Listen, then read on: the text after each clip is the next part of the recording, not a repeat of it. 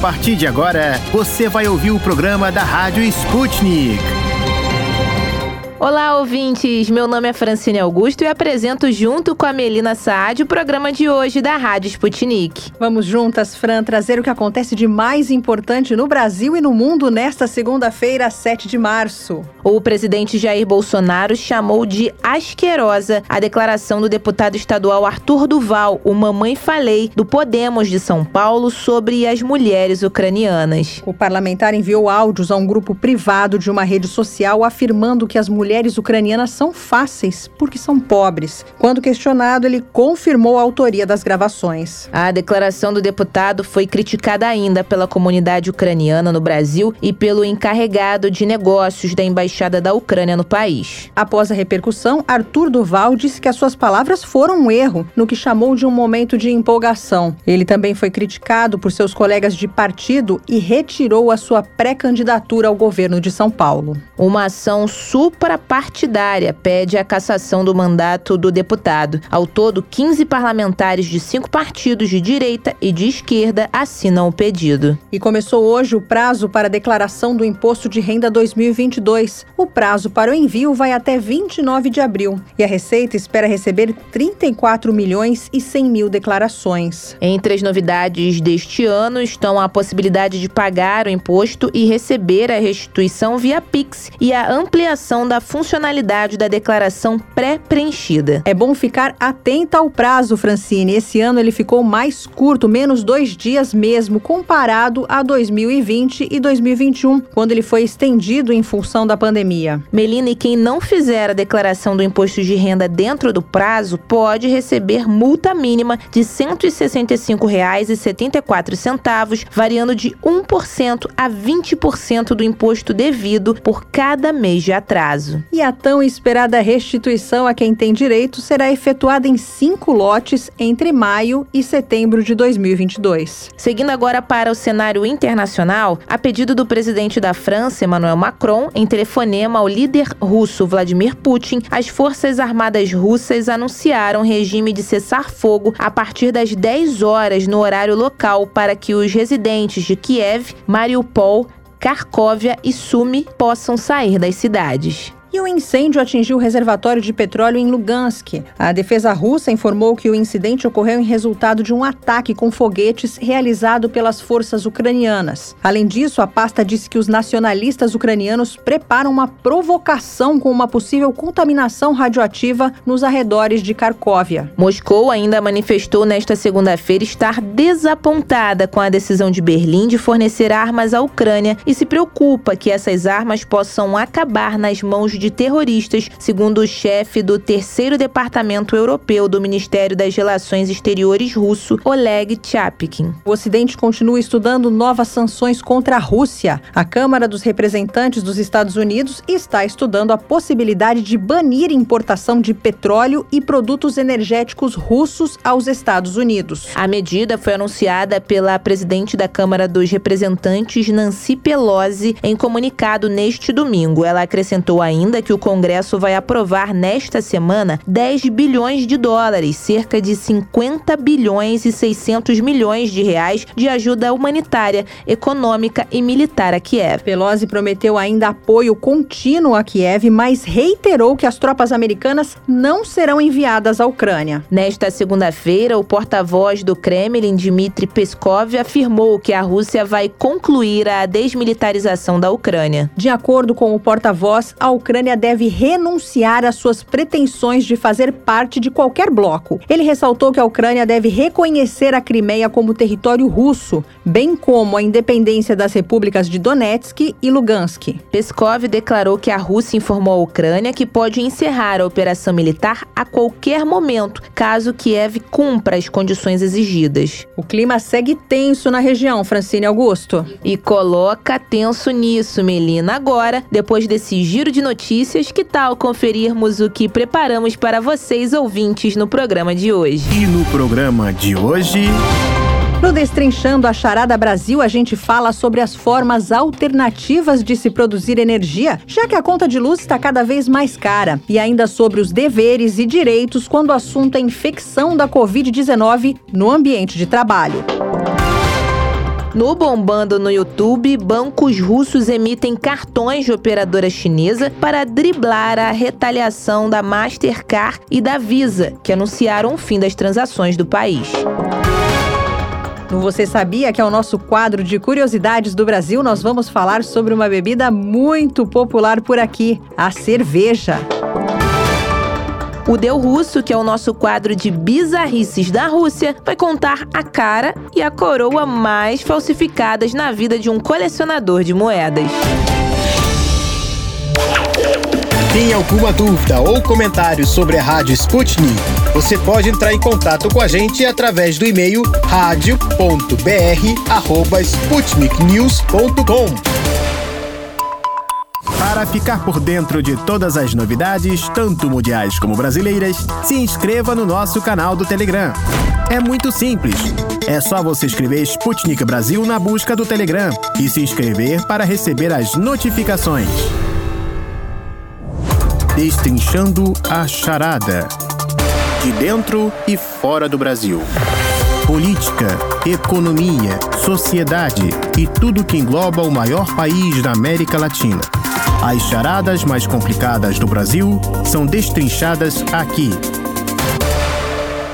Oi, queridos ouvintes, no nosso Destrinchando a Charada Brasil de hoje, falaremos sobre os deveres e os direitos de empresas e trabalhadores quando o assunto é infecção pelo coronavírus no ambiente de trabalho. Muitos não sabem, Melina, mas tanto o empregador quanto o empregado têm a obrigação de manter o ambiente mais seguro possível, caso contrário, existe a possibilidade de sanções judiciais. Verdade, Fran. Caso seja comprovada a exposição de funcionários e colaboradores a espaços e circunstâncias que facilitem a transmissão do vírus, a justiça pode ser acionada e decidir a favor das pessoas que adoeceram. Se tratando de contaminação do coronavírus no trabalho, existe a possibilidade até do direito à indenização por dano moral ou material. É o que revelam especialistas do direito do trabalho. Agora, sobre a indenização material, o valor seria gasto para cobrir consultas, remédios, internações. Isso somado também ao direito à estabilidade quando o empregado retornar da cobertura do Instituto Nacional de Seguridade Social. Falando em INSS, o órgão foi bastante exigido durante os dois primeiros anos de pandemia, sendo responsável pelo pagamento de mais de 36 milhões de benefícios, o que totalizou 757 bilhões de reais em 2021. No ano passado, o Meu INSS, Sistema de Atendimento Público da entidade, registrou 429 milhões 480 mil e 478 acessos. Muitos dos acionamentos foram devido à infecção de beneficiários por Covid-19. Para entender um pouco melhor os direitos e deveres relacionados a este tema, conversamos agora com a professora de Direito da Faculdade Presbiteriana Mackenzie de Brasília, Kelly Amorim. Ela que também é sócia fundadora do Escritório de Advocacia e Assessoria Costa Amorim. Oi, Kelly, muito obrigada por conversar com a Rádio Sputnik. Professora, uma vez que a Covid-19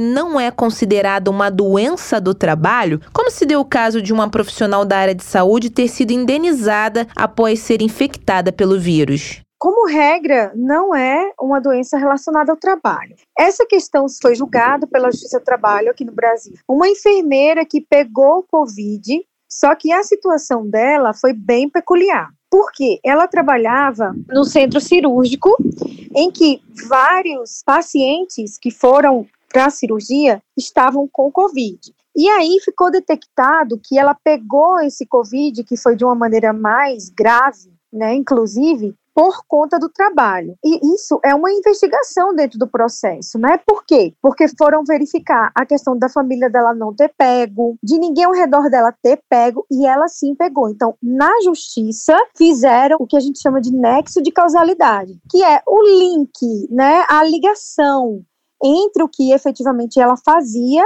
e a questão da doença relacionada ao trabalho, que nesse caso foi considerado. Qual é a grande questão aí? Covid realmente não tem como a gente saber onde a pessoa pegou. Eu peguei ano passado, meu esposo pegou, ele foi entubado, inclusive, né, ficou na UTI muito tempo, ele é médico, E a gente não pode dizer onde ele pegou, porque pode ter sido eu, pode ter sido ele. Não tem como fazer esse nexo de causalidade na maior parte dos casos. Nesse caso que ela ajuizou a ação, teve como fazer perante a Justiça do Trabalho. E a Justiça entendeu que houve esse nexo, essa ligação. E qual é a grande diferença? Quando você recebe um atestado médico que não tem a ver relacionado com a relação do trabalho, esse atestado médico até 15 dias, quem vai pagar é o empregador, mesmo o empregado não trabalhando. A partir desse 15º dia, ou seja, a partir do 16º, depois desses 15 dias, na verdade, o que que acontece? Quem paga é o INSS. A grande questão é que quando o empregado ele sai, vai para o INSS e ele retorna ao trabalho quando ele está apto a voltar, se for uma doença relacionada ao trabalho, ele não pode ser demitido durante 12 meses. Isso é o que a gente chama de estabilidade decorrente de acidente ou doença relacionada ao trabalho. Quando é uma doença comum que não tem nada a ver com o trabalho, quando ele retorna do INSS, ele não tem garantia no emprego nenhuma. Então, ele pode voltar hoje e ser demitido amanhã, desde que essa doença não seja uma doença que ocasione discriminação, preconceito, porque nós temos no TST, no Tribunal Superior do Trabalho, jurisprudência que se essa demissão ocorrer por conta de preconceito, algum que algumas doenças citam, né, das pessoas, nesse caso também teria ali uma estabilidade do empregado, o que não é o caso específico que você está me perguntando, tá? Mas, repito, repito, como regra geral, Covid não é uma doença relacionada ao trabalho. Kelly, como o funcionário pode provar que se contaminou no ambiente de trabalho, uma vez que ele circula por muitos outros ambientes, como, por exemplo, o transporte público? É muito difícil, praticamente impossível, enxergar onde ocorreu essa contaminação. A pessoa vai numa padaria, vai numa farmácia, usa transporte público, não tem como fazer esse nexo de causalidade em grandes corporações ou até mesmo em pequenas pequenas empresas esse nexo de causalidade sobre o que aquela pessoa faz, desempenha e onde foi contaminado o vírus. É muito difícil, quiçá impossível, de fazer esse nexo de causalidade, porque todos nós estamos propensos a isso, né? Então, o que, que adianta? E aí eu tenho visto muito isso, a questão do retorno do home office para muitos, digo muitos porque vários não entraram em home office, não tem como entrar em home office algumas profissões, e a pessoa no ambiente de trabalho tem o distanciamento, só que ela vai até o trabalho de ônibus ou de metrô e que não tem distanciamento nenhum. É bem complicado isso. Você pode ver quando vai pegar um voo, por exemplo. Lá fora tem que ter o distanciamento e tal. Quando entra no avião é um do lado do outro. Então assim, é muito difícil, praticamente impossível detectar esse nexo de causalidade num trabalho comum, como deu exemplo. O que, que acontece? No trabalho, em sua maioria, e é uma coisa que eu sempre aconselho os meus clientes, e sempre aconselho as pessoas que eu lido, assim, que têm empresas, trazer o máximo de cuidado possível. E é o que acontece geralmente. Tem esse distanciamento, tem as baias, tem proteção, né? Então, assim, aí sim que vai se tornar impossível a pessoa fazer o nexo de causalidade entre o trabalho e a contaminação. Porque se esse empregador toma esses cuidados, cuidados normais que nós temos no dia a dia, colocar um álcool ali acessível aos empregados, colocar um distanciamento, uma baia, então isso vai precaver qualquer problema trabalhista posterior. E óbvio que é mais importante ainda afetar a saúde dos seus trabalhadores, porque é um impacto muito grande. Quem passou por algo mais grave, assim, sabe o que eu estou falando, é realmente você lidar ali com vida e morte eu tiro pela experiência que nós tivemos aqui em casa, né, do meu esposo, realmente o médico ligava para mim lá do hospital e dizia, ó, oh, Kelly, reze que talvez não seja hoje que ele vai embora. Então, isso é muito complicado. A vida humana, a saúde está em primeiro lugar. Então, esse trabalhador, esse empregador, ambos tem que ter cuidado. E não dá para fazer um nexo de causalidade quando tem toda essa questão de transporte público e tudo ao redor do nosso dia a dia, do nosso cotidiano como ser humano. Se o funcionário se colocar em risco e ainda contaminar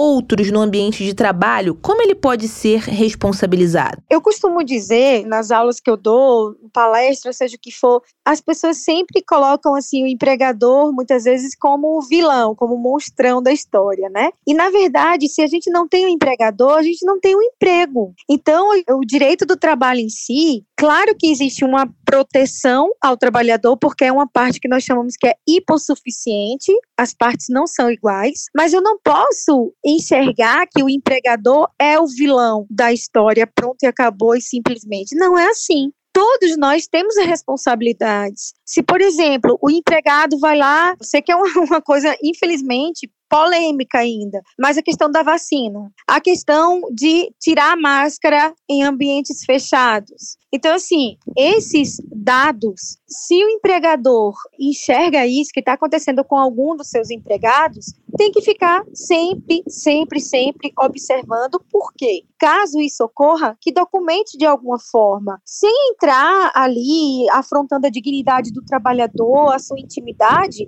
mas que seja isso documentado de alguma forma, porque se vier posteriormente alguma questão relacionada a isso, de querer fazer um nexo de causalidade, isso pode ser uma prova. Dizer, olha, ele está dizendo aí que o Covid foi pego no trabalho, mas olha aqui, ele estava em tal lugar sem máscara, de acordo com isso. Mas acaba que, se você for pensar nisso, acaba que você vai ter uma guerra diária ali entre empregado e empregador, e não é a melhor forma de manter uma relação, porque é uma relação. E o ideal mesmo é que todo mundo tenha a sua consciência e a sua responsabilidade de usar o que é comum da higiene e o que é comum para não ser contaminado por esse vírus. Por quê? Muito bem, agora a gente tem vacina, mas a gente não sabe até quando vai essa eficácia. Agora, por exemplo, em São Paulo, o índice de morte de idosos aumentou. E aí, agora vai precisar de uma quarta dose ou não vai precisar? Estamos ainda em estudo tudo isso. Então, o impacto que isso traz na relação de trabalho, que eu sempre falo tanto para um lado como para o outro, é cada um se proteja da melhor maneira que puder para que não haja essa contaminação, porque ninguém ganha com isso. Nem o trabalhador, nem o empregador, nem o sistema público, tanto de saúde como também relacionado à seguridade social. Então é sempre usar máscara, a questão da vacina. Eu sei que é polêmica no ambiente de trabalho, é muito polêmica quanto a isso. Tem decisões julgando que a aplicação de uma justa causa foi correta no ambiente de trabalho porque o empregado se negou a tomar vacina tem decisão judicial sobre isso. Professora, outra dúvida. Nesse período de pandemia foi a questão do home office, que foi uma das táticas das empresas para preservarem seus funcionários à exposição do vírus. Há regras específicas para esse tipo de atividade? Ou cada empresa pode adotar os seus critérios? É um tema que merece alguns pontos serem explicados. O home office, que a gente se acostumou a falar, né? É o trabalho em casa. Na verdade, é um gênero e eu tenho algumas espécies. Eu posso ter a espécie do trabalho em domicílio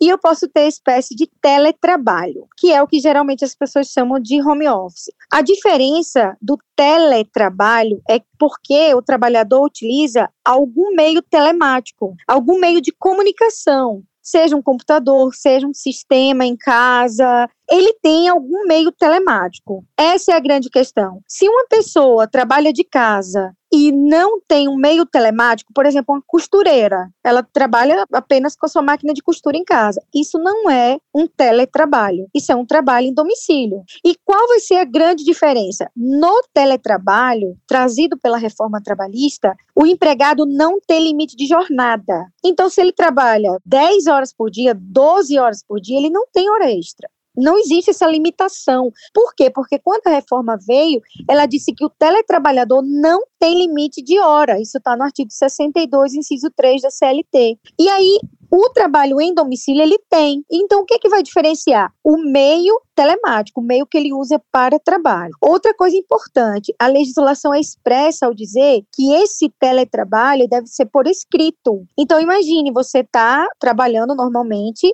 veio o teletrabalho, tem que ser algo ajustado por escrito. Agora, essa questão de algumas empresas voltarem ao presencial e outras não, aí sim é um direito que o empregador tem. O empregador, diante da CLT, no artigo 2, o empregador tem poderes: poder dever de direcionar os seus empregados, o dever de assalariar, mas ele também assume os riscos do negócio. Então, ele tem poderes e deveres, assim como o empregado tem deveres e direitos. Então, nesse caso, ficará a cargo de cada uma das empresas, se prefere manter o home office ou não prefere. Uma coisa é certa, o empregado não tem o direito de trabalhar em home office.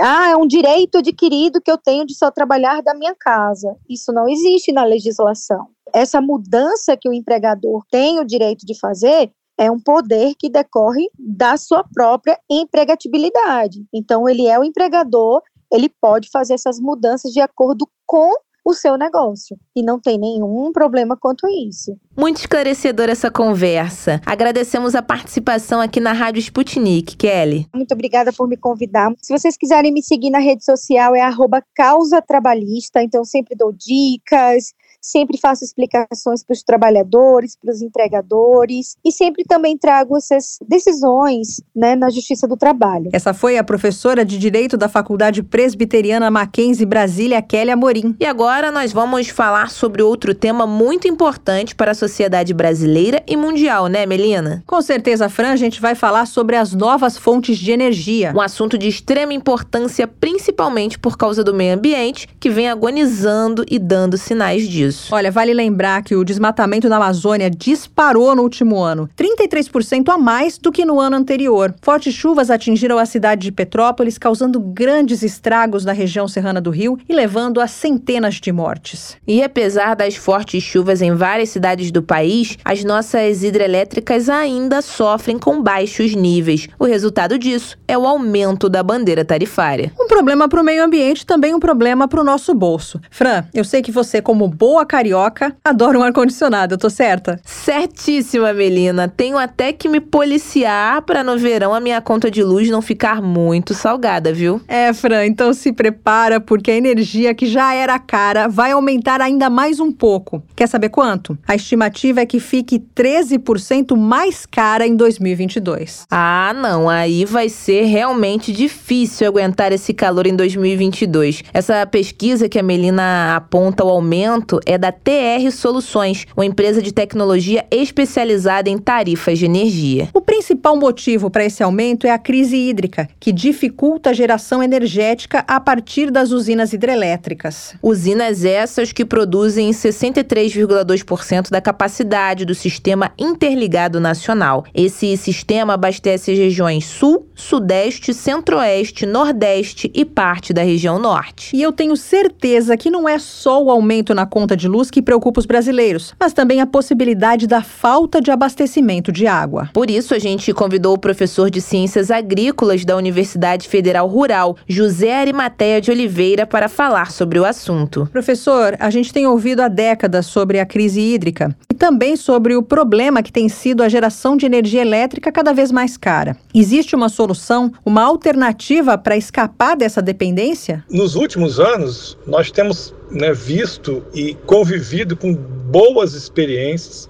de variação da matriz energética. E aí, destaque para a energia eólica, aquela energia gerada pelos ventos, e também para a energia fotovoltaica, energia gerada a partir da energia solar. Então, eu acho que a alternativa existe. A gente vai continuar com uma parte importante da matriz energética brasileira, dependendo da energia hidrelétrica, mas a gente pode dividir essa matriz até para suportar a continuidade de crescimento do país, dependência né, que a gente tem de crescimento e, consequentemente, o crescimento nos leva a um consumo maior de energia elétrica a partir de novas matrizes. Para isso, falta política estratégica do governo federal para apoio, incentivo e fomento de polos de geração de energia eólica, né, em várias partes do país que são favoráveis a esse investimento. Também falta muito, e acho que é a maior talvez maior crítica que a gente faz, falta muito investimento ou apoio ou fomento, políticas de financiamento da energia fotovoltaica, porque é uma energia que a gente, cada um de nós brasileiros, as pessoas têm condição de acesso a um kit doméstico, a um mecanismo doméstico, ou de uma pequena empresa, ou de uma média empresa, para que a gente aproveite o potencial solar que o país tem, na posição estratégica, que tem só o ano inteiro, é um diferencial que a gente tem, por exemplo, nos países do hemisfério hemisfério norte, para que a gente comece a fazer um, um polo diluído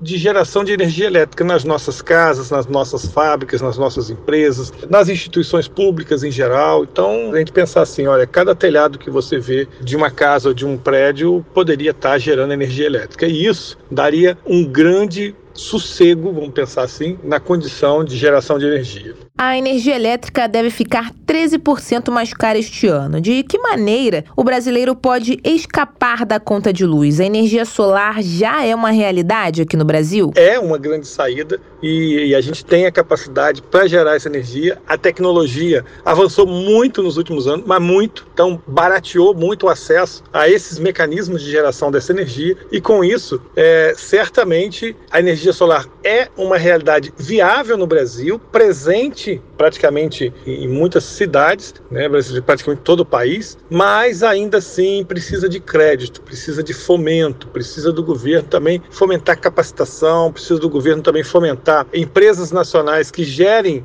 materiais e equipamentos, porque a gente também tem uma dependência grande, principalmente da China, para a compra e aquisição das placas e dos materiais que formam os kits de geração de energia elétrica. Então, olhando, fazendo um olhar estratégico a médio e longo prazo, se faz necessária uma política nacional de fomento dessa matriz de geração de energia solar, com certeza. E como é que estão as pesquisas no Brasil nesse sentido para encontrar novas maneiras de se obter energia? Há investimento suficiente? Infelizmente, o que a gente vê um total desmonte das políticas de inovação, de ciência e tecnologia. Portanto, nós estamos diretamente dependentes dessa capacidade de investimento do governo federal também de empresas estatais estratégicas, por exemplo, do ramo da energia, como por exemplo a Petrobras, para que a gente possa ter tecnologia nacional, ter pesquisa nacional que nos dê suporte num setor tão estratégico como esse. Então, pergunta é: tem investimento suficiente? Não, não tem. E, a, para além disso, nós precisamos criar, como eu disse, uma política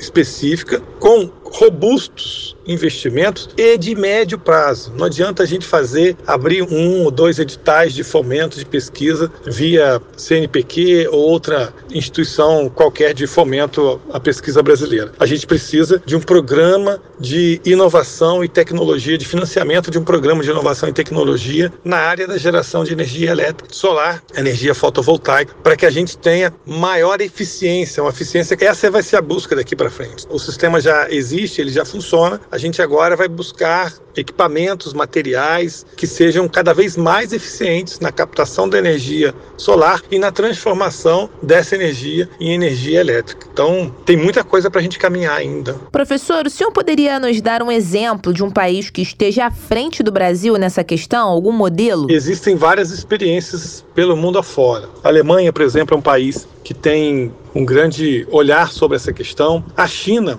por ser também a, a, grande produtora de equipamentos e materiais para isso, tem se destacado muito na geração de energia. É lógico que eles são um país que, pela população, que tem uma demanda monstruosa de energia. Então, nós temos alguns bons exemplos aí pelo mundo afora. E a gente tem uma capacidade também pelo nosso território, como eu já disse, pela nossa posição geográfica em termos de exposição ao sol, a gente tem uma capacidade de fomentar usinas fotovoltaicas, primeiro aqui nas cidades como um todo, nas grandes fábricas, galpões e tudo mais, assim como também a gente tem condições de fazer com que isso seja, por exemplo, uma atividade viável economicamente para se instalar na área rural, naqueles lugares de mais difícil acesso, de dificuldade de rede de transmissão de energia, da, da presença da rede de transmissão de energia. E isso você pode ocupar espaços que às vezes são mais valiosos no centro urbano, nas áreas rurais, como também já existem alguns estudos, por exemplo, para se usar os lagos, né, e os próprios lagos das hidrelétricas e tudo mais, como sendo suporte para as usinas fotovoltaicas. Então tem muita coisa aí para a gente estudar e tem boas experiências internacionais que a gente precisa conhecer e precisa adaptar para a nossa realidade Brasil. Esse foi o professor José Animateia de Oliveira falando sobre formas alternativas de energia, caros ouvintes. Professor, muito obrigada pela participação. O Destrinchando a Charada Brasil de hoje fica por aqui e até a próxima.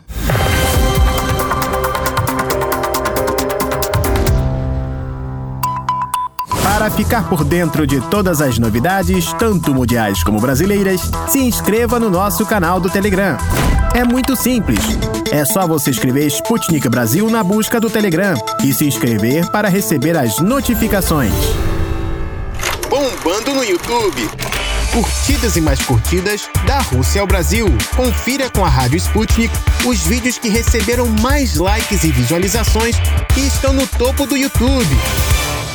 E fique por dentro do que está sendo filmado por amadores ou profissionais pelo mundo afora.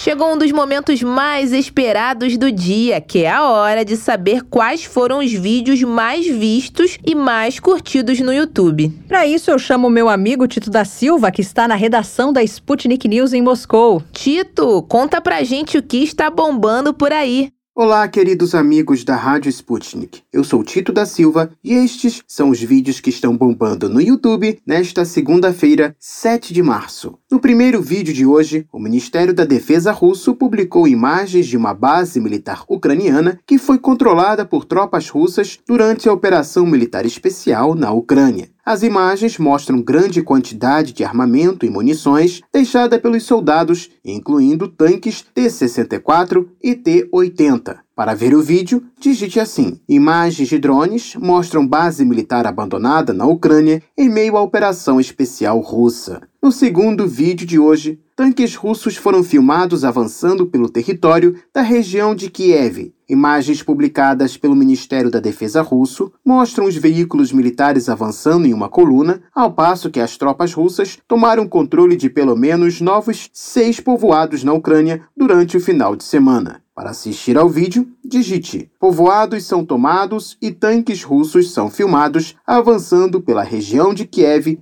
na Ucrânia. No terceiro vídeo de hoje, bancos russos que foram submetidos a sanções das bandeiras de cartão Mastercard e Visa optaram por uma nova parceria para atender seus clientes. Agora, para compras e pagamentos realizados no exterior, cidadãos russos e clientes de vários bancos locais poderão receber cartões da bandeira chinesa UnionPay. Os cartões da Uniplay são aceitos em vários países do mundo, inclusive em diferentes estabelecimentos no Brasil, e darão a possibilidade aos clientes russos de fazer saques em dinheiro e realizar compras nestes países. O vídeo com mais detalhes você encontra digitando: Bancos russos driblam sanções de Mastercard e Visa. No quarto vídeo de hoje, você gosta de histórias ligadas aos alienígenas? Pois bem, o canal Fatos Desconhecidos fez um vídeo afirmando que o Pentágono sabe que uma raça alienígena invadirá o nosso planeta. Não é novidade que muitas pessoas, inclusive organizações e instituições, pregam a existência de vida alienígena inteligente e que um dia o contato entre a humanidade e tais civilizações de fora do nosso planeta um dia acontecerá. E olha que, segundo o canal, o Pentágono sabe que tal encontro ocorrerá em 2022. Será isso mesmo? E no quinto vídeo de hoje, o canal Você Sabia fez uma lista de oito coisas que você não deve fazer com seu celular. Isso se você não estiver pensando em comprar outro. Uma destas dicas é sobre recarregar o aparelho. Se você recarregar seu celular por muitas horas e além daquilo que ele já precisa, o risco de a bateria do celular estufar é grande e pode trazer vários danos para o seu aparelho. Além disso, recarregar por muitas horas o aparelho pode gerar seu superaquecimento, o que reduz em muito a sua vida útil. E por hoje é tudo, pessoal. Até mais. Essa atitude da Mastercard e da Visa é mais uma dentre as tantas retaliações que a Rússia vem sofrendo e faz parte da tentativa de isolamento global que o Ocidente está impondo à economia russa por conta da operação especial que acontece na Ucrânia. O Sberbank, que é o maior banco da Rússia, optou por emitir o cartão da chinesa UnionPay, que aqui no Brasil já é aceito em 70% dos estabelecimentos. Isso segundo o sistema de pagamento chinês. Tito, amanhã você volta com mais informações aqui para os nossos ouvintes. Até terça!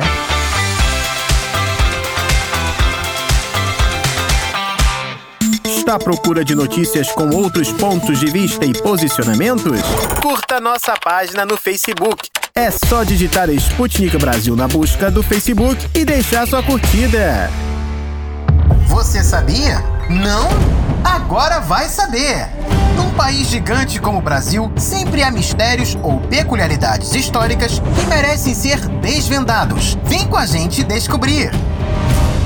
Olá, ouvintes! O tema do nosso Você Sabia de hoje é, no mínimo, refrescante. E muito apreciado aqui no Brasil, Melina. Estamos falando dela, da cerveja. Preferência em bares e confraternizações em todo o país. Mas você sabia, Fran, que a cerveja nem sempre foi esse sucesso entre os brasileiros? Caramba, eu confesso que eu não sabia. É até difícil acreditar com a popularidade que a bebida tem hoje em dia. É, certamente. Mas para entender como aconteceu essa popularização da cerveja no Brasil, nós convidamos o historiador Rodrigo Elias para conversar com a gente. Rodrigo, muito obrigada por participar aqui conosco na Rádio Sputnik. Para começar, conta pra gente desde quando começamos a consumir cerveja aqui no Brasil. Bebidas fermentadas à base de cereais já eram consumidas no Brasil antes da chegada dos europeus. Os povos indígenas, por exemplo, fabricavam bebida fermentada com milho, como fabricam ainda, não só no Brasil, mas em outras regiões da América América, cauim,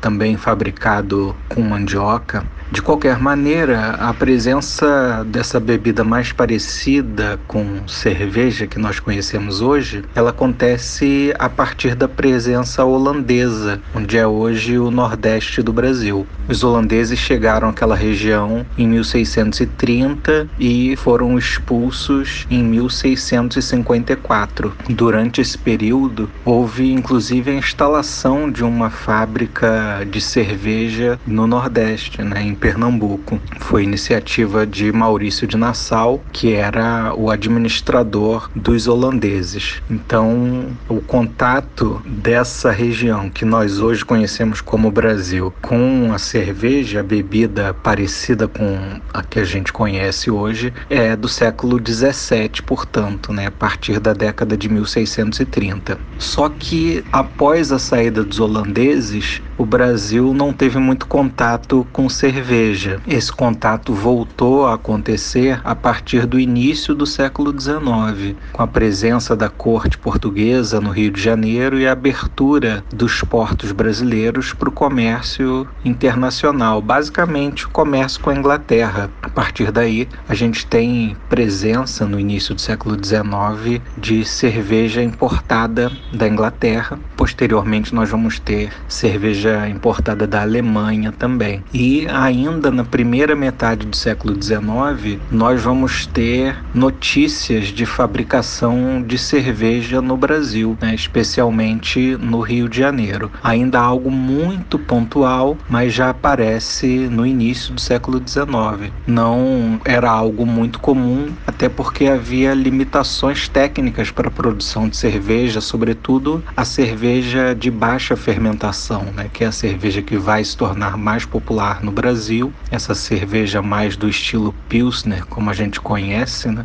Então isso só vai ser possível mesmo a partir da segunda metade do século XIX, de uma maneira mais recorrente, porque isso vai demandar o uso de refrigeração, refrigeração no sentido da produção e da conservação do gelo. Então, do ponto de vista técnico, isso só vai ser possível de uma maneira persistente em escala industrial a partir da segunda metade do século XIX. Hoje nós temos um boom de cervejarias artesanais e um grande consumo da bebida no Brasil. Mas como nós já falamos, a cerveja nem sempre foi a bebida preferida dos brasileiros. Por quê? O consumo de cerveja nem sempre foi bem visto no Brasil, sobretudo durante o período colonial. Nessa experiência holandesa no Nordeste, havia uma oposição muito grande entre os hábitos e a cultura holandesa, né, mais ligada ao protestantismo, e os costumes ibéricos, portugueses e espanhóis, mas sobretudo portugueses. Havia um estranhamento, a religião era algo bastante importante para aquelas populações e os holandeses eram considerados pelos portugueses católicos como hereges. Então, em geral, a cultura associada àquele povo vai ser mal vista pelos portugueses e pelos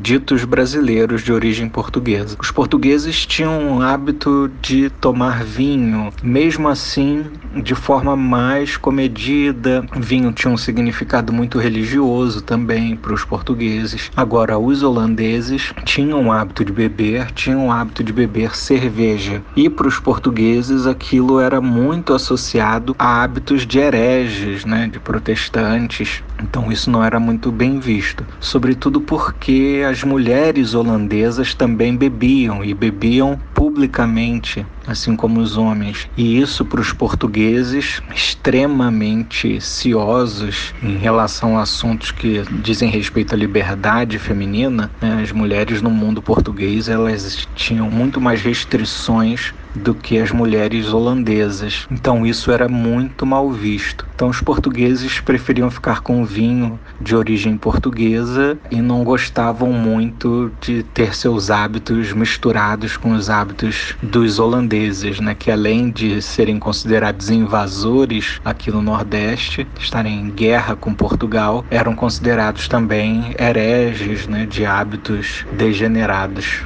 E qual foi o ponto de virada? O ponto de virada para o crescimento do consumo da cerveja no Brasil e para que a cerveja caísse no gosto dos brasileiros foi o século XIX, de fato. Né? Apesar de haver ainda iniciativas no início do século XIX, é na segunda metade do século que vai se tornar presente, de fato, uma quantidade muito grande de cervejarias no Brasil. No Rio Grande do Sul, em Santa Catarina, no Rio de Janeiro Janeiro, né, em Petrópolis, em Niterói, ou seja, nós vamos ter em várias regiões do Brasil a presença de fábricas. A partir do uso da eletricidade, da possibilidade de refrigeração, o conhecimento também da química, da física nesses processos, nós vamos ter inclusive a produção em grande escala de cerveja. A cerveja de baixa fermentação, sobretudo, ela tem um processo industrial muito complexo de fabricação, que aliás é um dos motores da própria revolução industrial. Né? Em geral, nós falamos muito de revolução industrial ali do século XVIII, do século XIX, ligado aos têxteis a indústria de tecidos, mas a cerveja é um grande carro-chefe no processo da Revolução Industrial na Inglaterra, e isso vai se reproduzir posteriormente em outras regiões da Europa e não vai ser diferente no Brasil. Primeiro, nós vamos ter pequenas cervejarias, ainda de produção familiar, onde, aliás, as mulheres vão ter um papel muito importante, e posteriormente, sobretudo já nas últimas décadas do século XIX, nós temos um grande processo de de industrialização, da criação de grandes fábricas, como a partir da década de 1880, as fábricas da Antártica, em São Paulo, e da Brahma, no Rio de Janeiro. São fábricas que vão vender muita cerveja, vão investir muito em propaganda também. A gente vai ter a fábrica da Boêmia também, em Petrópolis, né, desde a década de 1850, mas que vai se modernizando nas décadas seguintes e vai expandindo a sua produção nós vamos ter também essa possibilidade de fabricação da cerveja de baixa fermentação, que vai cair mais no gosto dos brasileiros, e nós vamos ter também um investimento muito grande em propaganda, em publicidade. A gente vai ter cartazes, campanhas publicitárias, os slogans, tem um investimento muito grande nessa parte, e a partir daí a cerveja ela vai se tornando na virada do século XIX para o século XX uma uma bebida muito presente, muito difundida no Brasil, né? Esse hábito da cerveja gelada, né? Que se habituou aqui no Brasil, que é muito diferente do consumo na Europa. Então, o ponto de virada vai ser justamente aí, né? A partir da segunda metade do século XIX e, sobretudo, nessa virada para o século XX. Rodrigo, e como era visto o consumo de cerveja no Brasil assim que a sua comercialização se intensificou? Ela era consumida pela população como um todo ou só por grupos específicos? No início do século XX, no final do século XIX, o consumo da cerveja vai estar muito ligado a uma imagem de modernidade. Né? Embora houvesse receitas tradicionais, produções ainda artesanais de cerveja, as grandes cervejarias que estavam surgindo, o uso mais intensivo da tecnologia para produção, a propaganda de que a cerveja é vendida gelada e é consumida gelada, tudo isso ligava a cerveja a uma ideia de modernidade, de uso da tecnologia, as maravilhas da eletricidade. Então, em geral, o público que vai consumir cerveja é um público muito ligado nesse tipo de vida, nesse tipo de vida que a gente pode chamar de mundana. As pessoas iam beber nos bares, nos quiosques, nos estandes. Os anúncios da cerveja também prometiam que a cerveja tinha vantagens medicinais, vantagens para a saúde. Então, isso vai ser muito explorado também. A gente vai ver ao longo do século XX a propaganda de cervejas específicas para as mulheres, ver a propaganda de cerveja para criança, inclusive. Enfim, toda a população urbana, sobretudo no Brasil, vai ficar muito exposta a esse tipo de publicidade e esse tipo de presença. Isso vai se alastrar do norte ao sul do Brasil, nas grandes cidades, né? em Manaus, Recife. Recife, Porto Alegre, Belo Horizonte, Rio de Janeiro, a gente vai ver esse tipo de publicidade atingindo aí as classes médias, as classes médias baixas das cidades expostas a esse tipo de propaganda e esse novo tipo de vida, essa transformação que a modernidade traz para os centros urbanos. É bom a gente lembrar que é uma época de reformas, né? uma época de mudanças na tecnologia, uma época de reformas urbanas também também, e isso também vai chegar aos hábitos, e a cerveja vai ser muito associada a esses hábitos modernos. E quanto à cachaça, que também era e ainda é muito apreciada e consumida aqui no Brasil, ela chegou a competir de alguma maneira com a cerveja em termos de preferência dos brasileiros? A cachaça era uma bebida tradicional, né? Ainda é uma bebida muito tradicional. Desde o período colonial, desde a presença dos engenhos de cana-de-açúcar, a cachaça sempre esteve presente, nunca esteve ausente do gosto dos habitantes do Brasil e nunca esteve fora dos hábitos dos brasileiros. O que acontece é que no século XX a cachaça vai começar a ser identificada em algum momento com as classes mais baixas e essa identificação com as classes mais baixas vai trazer uma reputação muito ruim para a bebida do ponto de vista vista daquela visão, entre aspas, civilizatória, científica, do progresso que a cerveja de alguma maneira encarnava. De qualquer maneira, a cachaça nunca deixa de ser consumida e ela é sofisticadíssima também, o processo de produção também é complexo e ela continua nas graças dos brasileiros. Até hoje, não só dos brasileiros, né? Uma bebida muito exportada também, muito apreciada na Europa, nos Estados Unidos, em outras regiões do mundo também. Né? E Rodrigo, o que de curioso você observa na relação entre a história da cerveja e a história do Brasil? O curioso da história da cerveja relacionada à história do Brasil é observar como a cerveja, a sua aceitação ou a sua rejeição tem a ver com fatores culturais que formaram o Brasil, seja ao longo do período colonial, seu pensamento religioso, seja a partir das ideias de modernidade, de um novo regime, como a República, né, no final do século XIX, início do século XX, um regime que queria se mostrar como moderno, avançado, que botou a palavra progresso na sua bandeira, e a gente vê o consumo da cerveja naquele momento ser estimulado justamente justamente por conta dessa ligação à modernidade, à eletricidade, né, ao mundo da velocidade, enfim. A história da cerveja no Brasil tem essas imbricações com a história do próprio Brasil, né, e dos elementos culturais, sociológicos que estão na base da nossa formação. Rodrigo, muito obrigada pela entrevista. Tenho certeza que muitos ouvintes ficaram até com vontade de tomar uma cervejinha gelada hoje hoje. Com certeza, Fran. Rodrigo, muito obrigada. E o nosso Você Sabia fica por aqui. Até a próxima.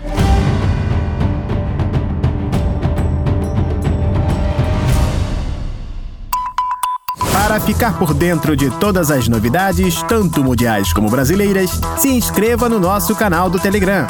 É muito simples. É só você escrever Sputnik Brasil na busca do Telegram e se inscrever para receber as notificações.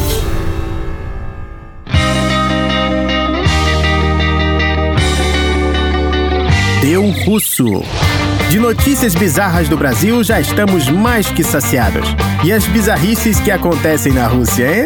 É outro nível, rapaziada. Ih, deu russo! O Deu Russo de hoje, caros ouvintes, tem a ver com coleções. Isso mesmo, Fran, coleções. Pois é, Melina, tem gente que coleciona bonecas, carros em miniatura, cédulas estrangeiras, rolhas de vinho, porta-copos. Quem escolhe o que colecionar é obviamente, o colecionador, claro. E um colecionador da Rússia escolheu um item bem diferente dessa sua lista, Fran. O russo da história coleciona moedas. A coleção deste russo não é muito antiga. Ele começou a juntar moedas quatro anos atrás e já conta com 137 exemplares. Detalhe: cada item é diferente e esse russo é minucioso na hora de agregar uma moeda à sua coleção. E não é qualquer moeda jogada no meio da rua que entra nessa coleção, não não, viu, caro ouvinte? Pra tá lá, por exemplo, uma moeda de 10 rublos é personalizada com o rosto do imperador russo Nicolau II. Para quem não sabe, Nicolau II foi o último imperador da Rússia, então dá para entender a vontade desse colecionador de conseguir uma moeda dessas. A vontade era tanta que esse russo começou a juntar dinheiro. Ah, nem contei para vocês. A moeda custava 47 mil rublos. Se na cotação de hoje 47 mil rublos não são lá essa coisa toda, quando o colecionador comprou essa moeda, era uma grana, ouvintes. Para vocês terem uma noção, quando esse colecionador comprou a moeda personalizada do imperador Nicolau II, ela estava valendo um pouco mais de 3 mil reais, só por uma moeda de 10 rublos. Se a gente levar em consideração a inconsistência da moeda russa, então na cotação de agora, essa moeda valeria um pouco mais de 2 mil reais, ou seja, mil reais mais barata. E mais interessante é onde esse colecionador encontrou a moeda, ouvintes, segundo o próprio comprador, o seu primeiro contato com a moeda imperial foi uma casa de leilão. Ele não tinha dinheiro para comprá-la na hora, mas quem disse que o item saiu da cabeça dele? O colecionador voltou para casa todo inquieto por ter perdido a chance de comprar a preciosa. Daí surgiu uma ideia na cabeça dele procurar na internet. Buscou tanto que achou em um site de vendas. A moeda estava lá, toda linda e imperial, mas por aquele preço que vocês já sabem. Demorou um tempo para juntar a grana, mas assim que conseguiu o valor, foi lá e comprou. Pela internet mesmo, em um perfil de um profissional, entre aspas. Os dias foram se passando, o desejo de ver a moeda só aumentava. O russo queria colocar o novo item e sua coleção de 137 moedas para finalmente ter 138. Seria a primeira moeda com o rosto do último imperador russo. Vocês têm noção, ouvintes? Depois de duas semaninhas, alguém bateu na porta do colecionador que estava parado por lá esperando há dias até receber a preciosa. Quando esse colecionador russo abriu a porta, um carteiro entregou para ele um envelope todo pomposo. Ele já achou: é a minha moeda imperial com certeza. Assinou pelo recebimento da encomenda e foi correndo para o quarto ligar uma luz especial, averiguar de perto o novo item. Abriu o envelope da forma mais voraz, ouvintes. Se deparou com uma moeda de 10 rublos, mas cadê o rosto do imperador Nicolau II? Não estava lá. No lugar da moeda imperial,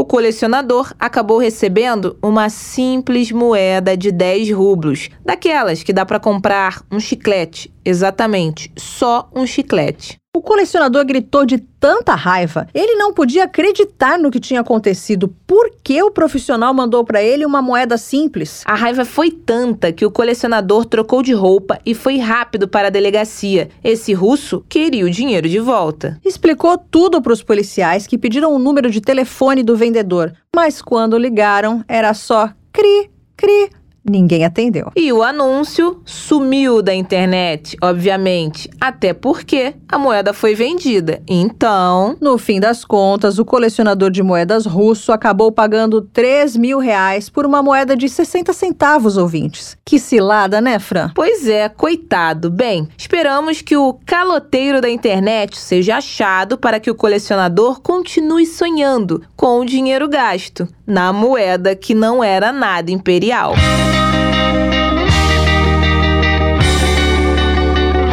Olha, Fran, se os russos não vão até a diversão, a diversão vai até eles, caros ouvintes. Nós vamos contar a história de quatro amigos que queriam simplesmente fazer um churrasco à beira de um rio, mas eles acabaram em um passeio fluvial. Eita, e pior que tudo deveria acontecer na maior tranquilidade.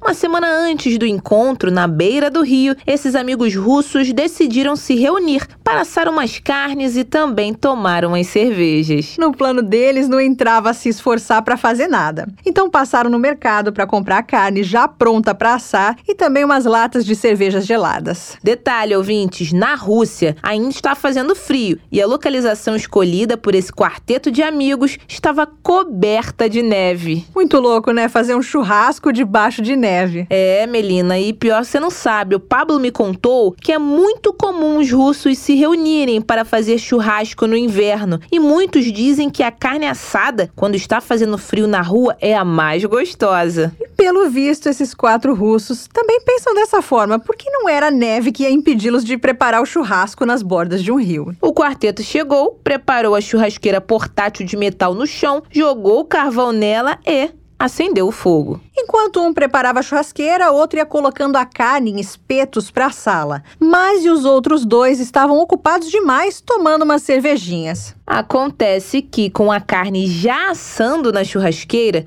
o chão que estava coberto de neve, escolhido pelo quarteto, não era bem chão. Na verdade, não passava de uma fina camada de gelo. Com o peso desses quatro russos, o gelo foi trincando, o que fez com que um bloco de gelo se partisse e fosse levado pela correnteza. Daí a diversão começou, caros ouvintes. A carne assando, a cerveja gelada e a impossibilidade de sair do bloco de gelo fizeram com que os quatro russos se contentassem com o destino. E era aí para onde as águas levassem. E para que perder tempo tentando sair do bloco de gelo se a carne já estava quase pronta e umas latinhas de cerveja estavam garantidas, não é mesmo, ouvintes? Mas nem todos os integrantes do quarteto ficaram bem da vida vida. Um deles começou a se preocupar de ir parar nos cafundós do brejo. Se preocupou tanto que decidiu pular na água e detalhe, estava congelante pulou, nadou bem rápido até a margem do rio e foi embora bem rapidinho para casa, nem olhou para trás. Os outros russos então pensaram: "Oba, mais carne e cerveja pra gente. Vamos continuar aqui" e assim fizeram. Só que nem todo churrasco e cerveja são para sempre, né, ouvintes? As latinhas foram secando e a vontade de sair do bloco de gelo só foi aumentando. Depois de tanto serem transportados em praticamente um pedaço de iceberg, o trio, que antes era um quarteto, foi percebido percebido por uns pedestres que estavam passeando próximo ao rio. Quando os russos viram que tinha gente perto, eles começaram a gritar por ajuda. Estava todo mundo querendo sair dali já. Quem viu o trio no bloco de gelo não perdeu tempo e chamou por ajuda. A sorte do trio de churrasqueiros era que não longe o rio afinou e ficou bem mais fácil tirá-los do bloco. Três rapazes saíram correndo atrás do bloco de gelo dos churrasqueiros e, na passagem fina do rio, jogaram uma corda para um dos russos viajantes. Daí foi só segurar a corda para que o bloco de gelo não continuasse sendo arrastado pela força do rio, caros ouvintes. Depois de longas horas de passeio fluvial, o trio, que antes era um quarteto, acabou saindo ileso desta aventura. E claro, com uma ótima história para contar. Imagine só, ouvintes, acabarem um bloco de gelo em pleno no churrasco. Essa história tinha que ser na Rússia, viu?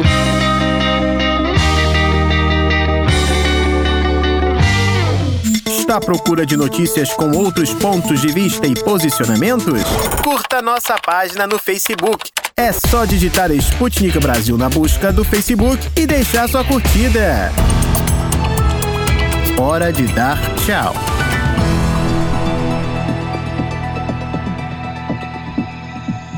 O programa acabou, mas esta semana está apenas começando. Essa foi a edição de segunda-feira, dia 7 de março. Fran, eu sei que os nossos ouvintes vão continuar ligados em toda a nossa programação. Com certeza, e para isso, basta dar uma passadinha no site da Sputnik Brasil, br.sputniknews.com e conferir as notícias do momento. Lembrando que nós temos também o nosso canal da Sputnik Brasil no YouTube. Não dá para perder, né? Lá nossos ouvintes encontram os vídeos dos assuntos mais importantes do momento, tanto no Brasil como no resto do mundo. Fiquem ligados também nas informações sempre atualizadas no Twitter e Telegram da Sputnik Brasil. Bom, por hoje é só. Até amanhã. O programa da Rádio Sputnik teve apresentação, produção e edição de texto de Bárbara Pereira, Melina Saad e Francine Augusto, e produção de conteúdos e edição de textos de Tito da Silva e Pablo Rodrigues. A edição e a montagem do programa são de Wellington Vieira e David Costa, a produção geral do Rio de Janeiro é do Everton Maia e da Angélica Fontela, e o editor-chefe da redação da Sputnik Brasil no Rio de Janeiro é o Renan Lúcio e em Moscou, Konstantin Kuznetsov.